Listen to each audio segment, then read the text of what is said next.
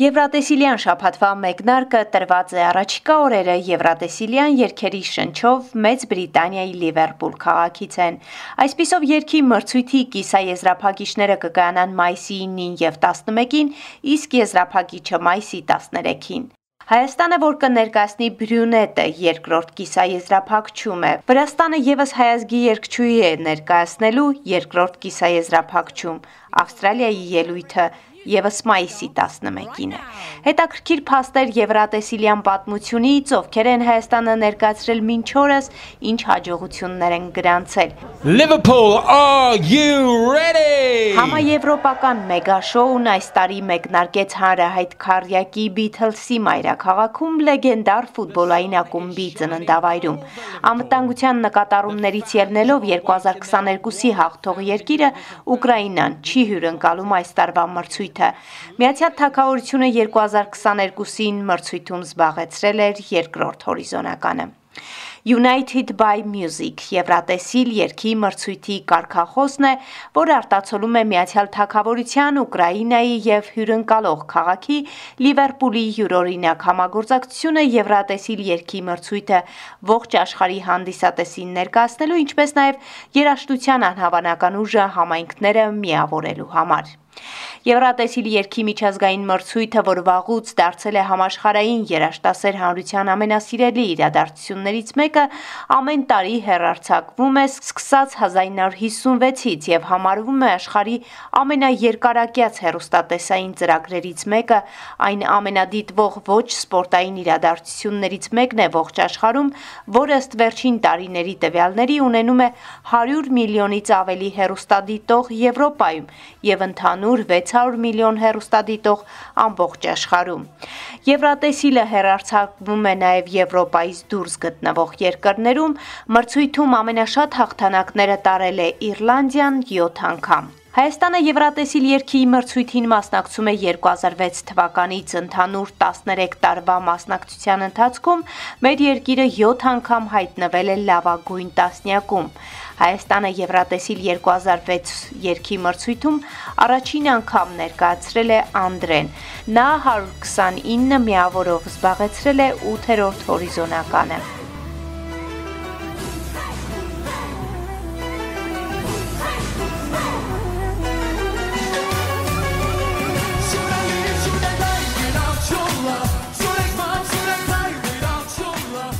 Հայաստանը Եվրատեսիլ երկի մրցույթում երկրորդ անգամ ներկայացել է 2007 թվականին Հայկոն Anytime You Need երգով Հայկոն ի շնորհիվ Անդրեի բարձր հորիզոնական գրավելու 2007-ին չի մասնակցել եկիսա եզրափակիչ փուլին եւ միանգամից անցել է եզրափակիչ։ Նա եւս զբաղեցրել է 8-րդ հորիզոնականը հավաքելով 138 միավոր։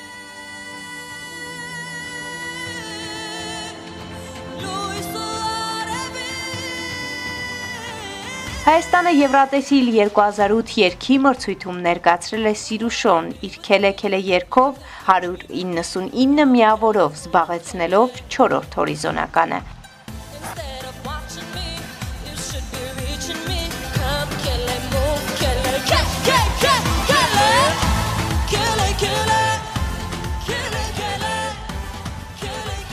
«2009 թվականին Հայաստանը Եվրատեսիլ երկի մրցույթում ներկացրել են Ինգա եւ Անուշ Արշակյանները Ջան-ջան երկով, քույրերը 92 միավորով զբաղեցրել են 10-րդ հորիզոնականը։ Հայաստանը Եվրատեսիլ 2010 երկի մրցույթում ներկացրել է եւ Արիվասը 7-րդ հորիզոնականը։ 2012 թվականին մեր երկիրը չի մասնակցել մրցույթին, քանի որ այն անցկացվում էր Ադրբեջանում։ Այնուհետև Հայաստանը եւս մեկ անգամ զբաղեցրել է 4-րդ հորիզոնականը 2014-ին Արամ Էմպետրիի կատարմամբ։ Հայոց ցեղասպանության 100-րդ տարելիցի տարում Եվրատեսիլ 2015-ում Հայաստանը հանդես է եկել յուրօրինակ ձևաչափով 5 երկիշներ հրավիրվել էին աշխարի բոլոր մայրցամաքներից կառուցելով կամուրջներ հայրենիք ընտանիքի հետ խումբը ներկացրել էր. Խմբի անդամներն էին Եսայի Ալթունյանը Եվրոպա, Թամար Կապրելյանը Ամերիկա, Վահե Թիլիբյանը Աֆրիկա, Ստեֆանի Թոփալյանը Ասիա, Մերի Ջին Օդոհերթի Վասմատսյանը Ավստրալիա եւ Ինգա Արշակյանը Հայաստան։ Այդ գաղափարը անմորուկի 5 թերթիկների տեսքով խորհրդանշում է երկրագնդի 5 աշխարհամասերում սփռված հայ ժողովրդի եւ Հայաստանի միասնականությունը, մեր երկիրը զբաղեցրեց 16-րդ հորիզոնականը։ 2016-ին Իվետ Ամոկուչյանը 7-րդ հորիզոնականը մի քանի տարի Հայաստանը չի անցել եզրափակիչ, 2020 թվականին մրցույթը չեղարկվել էր համավարակի պատճառով 44-օրյա պատերազմից հետո Եվրատեսիլ 2021-ին Հայաստանը հրաժարվել է մասնակցել եւ 2022 թվականին մրցույթին երկիրը ներկայացրել է հեղինակավոր կատարող երաշտական պրոդյուսեր Ռոզալինը նա կատարել է անգլերեն Snap երգը եւ եզրափակչում գրավել 20-րդ տեղը։ Թեև չի հաղթել, սակայն երգը համաշխարային հիթ է դարձել, նրա առաջ նորանոր բեմեր եւ հնարավորություններ բացել։ Անսպասելիորեն ինձ համար անգամ ամբողջ դահլիճը երգեց Snap-ը։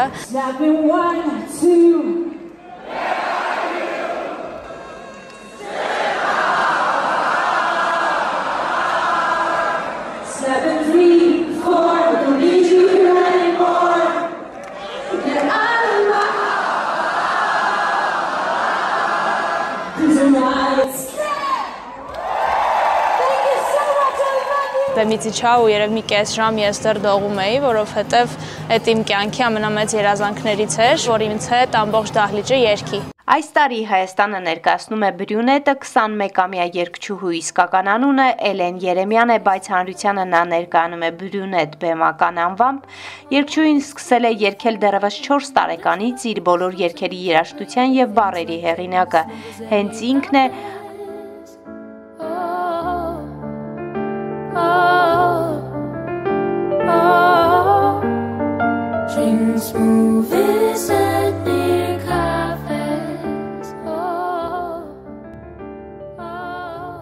Հայաստանում արդեն նրա երգերը մեծ տարածում ունեն։ Գախտնիկն ասում է. Գախտնիկը կարող է լինել նրանում, որ ես երգերս ուրիշ էմոցիաներով եմ գրում ու կարծում եմ, որ մարդիկ երգերս լսելուց իրենց պատմությունն են գտնում դրա մեջ։ Բրյունետը ելույթ կունենա երկրորդ կիսաեզրափակչի առաջին հատվածում երկրորդ համարի ներքո Future Lover երգով։ Եվրատեսիլի YouTube-յան ալիքում հրապարակված այս տարվա տեսահոլովակների top 20-յակում Բրյունետի տեսահոլովակն առաջին տեղում է ավելի քան 5 միլիոն դիտումով։ Հայաստանի պատվիրակը միջոցառման բացման արարողությանը Փիրուզագույն գորգի վրայով անցել է հայ կնոջ ինքնատիպ հագուստով, որի համար ոգեշնչման աղբյուր է եղել Երևանի ամենահայտնի հուշարձաններից մեկը Մայր Հայաստանը։ Պես ասել է, դա խորհրդանշում է հայ կանանց ուժը եւ գեղեցկությունը, ասել է, որ այդ կերպարով եւս մեկ անգամ ընդգծում է հայ կնոջ յուրօրինակությունն ու ոգին and it's like symbolizes the strength and the power of Armenian women. Երկրորդ կիսաեզրափակիչ փուլը կբացի Դանիայի ներկայացուցիչը Վրաստանը ներկայացնող հայազգի երկչուհի Իրու Խեչանովին ելույթ կունենա 11-րդ համարի ներքո Եվրատեսիլ 2016-ում էլ Վրաստանը ներկայացրել էր ազգությամբ հայ Նիկա Քոչարովը իր ռոք խմբով։ Երկրորդ կիսաեզրափակիչը, որ տեղի կունենա մայիսի 11-ին, հետևյալ դասավորությունը ունի Դանիա, Հայաստան, Ռումինիա, Էստոնիա, Բելգիա, Կիպրոս, Իսլանդիա, Հունաստան, Լեհաստան, Սլովենիա, Վրաստան, Սան Մարինո, Ավստրիա, Ալբանիա, Լիտվա, Ավստրալիա, Իսպանիա, Ուկրաինա, Միացյալ Թագավորություն։ Ավստրալիան 2015-ին առաջին անգամ մասնակցեց միջոցառմանը, այնուհետև հետևողականորեն եւ հաջողությամբ շարունակում է երկու անգամ հաղթելով կիսաեզրափակիչում։ 2019 թվականից պաշտոնական մասնակցություն ունի եւ մրցույթը հերարցակում է SBS-ը։ Այս տարի Ավստրալիան ներկայացնում է Voyager խումբը Promise երգով։ Այս տարվա Եվրատեսիլին կիսաեզրափակչի եւ եզրափակչի քվեարկությունները կանցկացվեն փոփոխված կանոններով, կիսաեզրափակչի արդյունքները կորոշվեն միայն դիտողների քվեարկությամբ։ Չմասնակցող երկրները նույնպես կքվեարկեն եւ ժյուրին կշարունակի քվեարկել եզրափակչին՝ ի տարբերություն կիսաեզրափակչի թարմացված կանոնների, եզրափակչում քվեարկության կարգը մնում է նույնը, վերջին փուլում մասնակցող երկրների արդյունքները մրցանակները կորոշվեն հիմնվելով ինչպես հերոստակվյարկության, այնպես էլ պրոֆեսիոնալ ժյուրիի տված միավորների վրա։ Հաճելի Եվրատեսիլյան շփաթ ցես Գիտայրի Բեկյան, SBS ռադիոկանի համար։